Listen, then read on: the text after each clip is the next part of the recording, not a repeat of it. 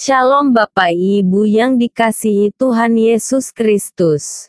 Kali ini kita akan mendengarkan renungan pagi. Beritahukanlah aku, mengapa engkau berperkara dengan aku. Ayub 10 ayat 2.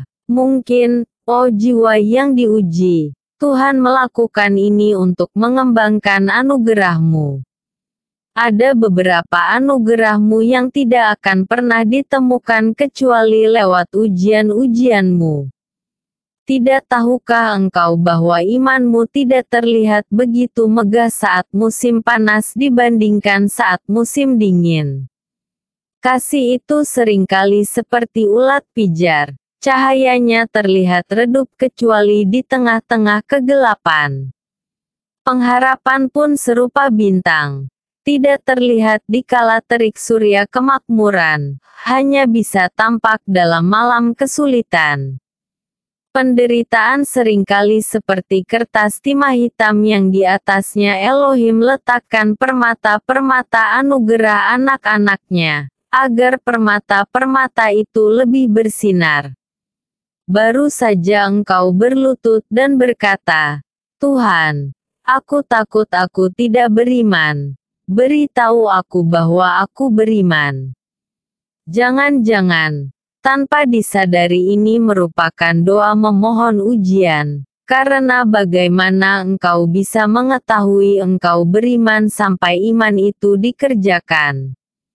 Bersandarlah akan hal itu. Elohim sering mengirim ujian kepada kita supaya anugerah kita bisa ditemukan agar kita bisa yakin bahwa kita memilikinya. Lagi pula, itu tidak sekadar ditemukan. Pertumbuhan sejati anugerah merupakan hasil dari ujian-ujian yang dikuduskan. Elohim sering menghapus kenyamanan dan hak-hak tertentu kita agar kita bertumbuh menjadi orang Kristen yang lebih baik.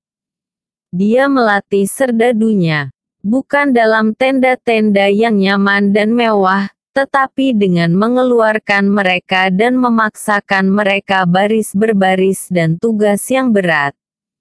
Dia menyuruh mereka mengarungi kali dan berenang melintasi sungai, dan mendaki gunung, dan berjalan jauh bermil-mil dengan beban berat penderitaan di punggung mereka.